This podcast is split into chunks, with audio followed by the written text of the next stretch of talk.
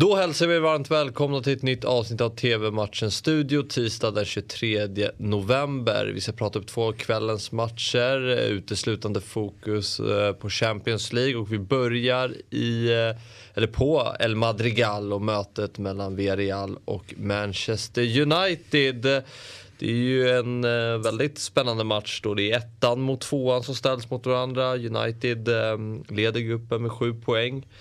Uh, Villarreal 2 på 7 poäng, Atalanta 3 på 5 poäng och Young Boys på fjärde plats med 3 poäng. Uh, och United med ny tränare. United med ny tränare, en interim interim tränare. Hur var det, hur var det nu? De uh, sparkade ju Solskär i, i, i helgen mm. och i väntan på en interimtränare så har man tagit in interimtränaren Michael Carrick och Darren Fletcher. Så.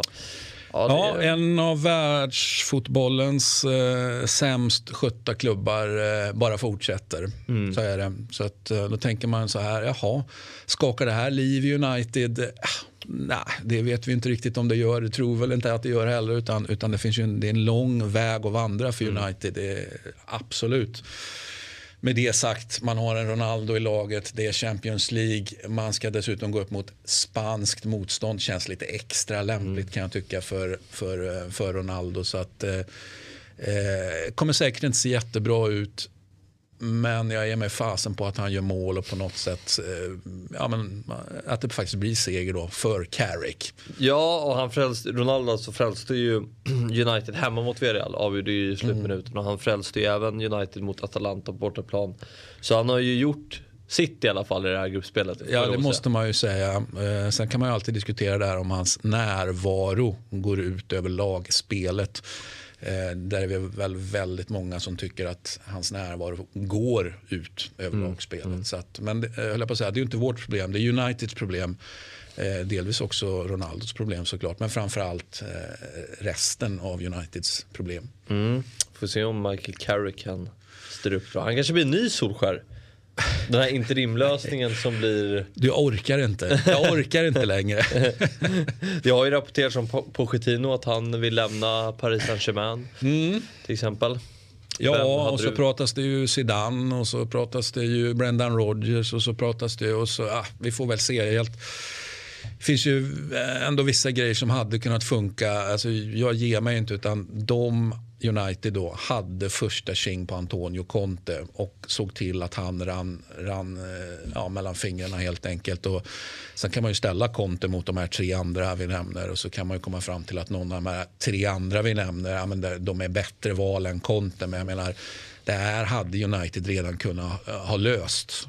Eh, så att eh, vilken soppa. Mm. De mötte ju varandra där, Tottenham och United. Ja. Det, var ju, det laget som förlorade skulle ju få Conte kändes som.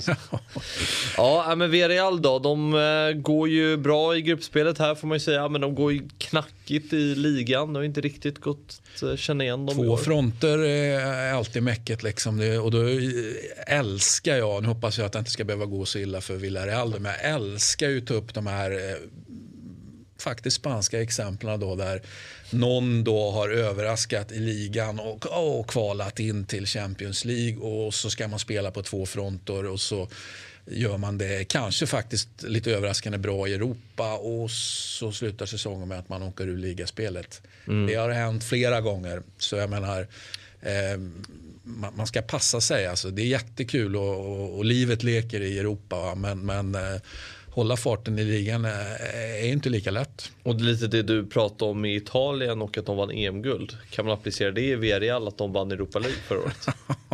Bakmellan? ja, det, ja, det, ja det, det, är en bra take då, men jag, men jag vet inte om jag, jag säger så här då. Jag känner mig extremt påläst på Italien och den taken för mig var väldigt självklar. Mm. Eh, jag kan inte säga att jag, att jag kan Villarreal innan och utan, men, men eh, vi kan väl hissa den flaggan i alla fall. Hur tror du det slutar då? Nej, jag, tror jag tror att Ronaldo då liksom fixar det där. Mm. Dina, dina men, men jag har slutat säga nu, det har vi sagt några gånger, att man tror att ah, men nu kommer reaktionen på United, nu kör de över mot... Jag tror inte längre, jag, från och med nu har jag slutat, nu slutar jag prata om att United kör över för att de ska reagera, för de reagerar ju inte i alla fall. Nej. Ja, men du tror, Så, ja. ja, men det är väl, det är väl ett Ronaldo-mål i liksom, sista, sista tio. Liksom. Mm. 18.45, alltså tidig avsparkstid på den här matchen och ni ser den på Simor.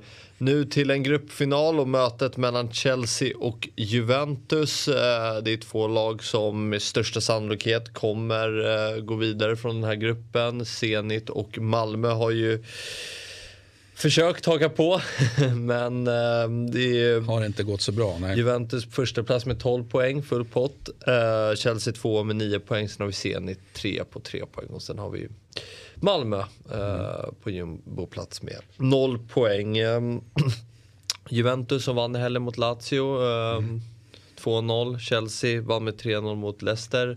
Mm. Chelsea känns ju ruskigt starka.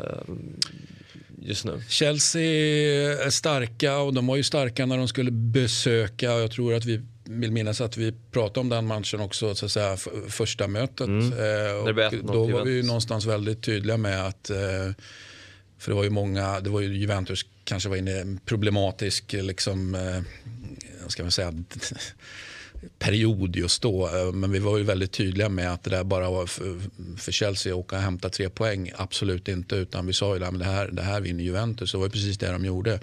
Eh, och nu säger jag att Juventus inte förlorar. Mm.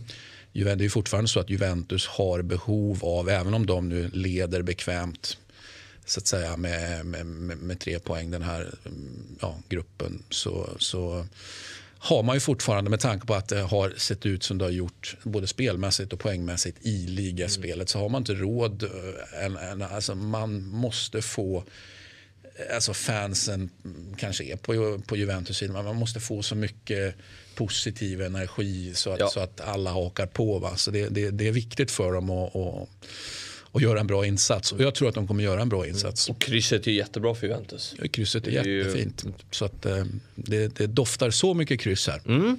Eh, 21.00 startar matchen och ni ser även den på Simor. Eh, det var allt för idag. TV-matchens studio är tillbaka imorgon igen. Vi ses då. Hej!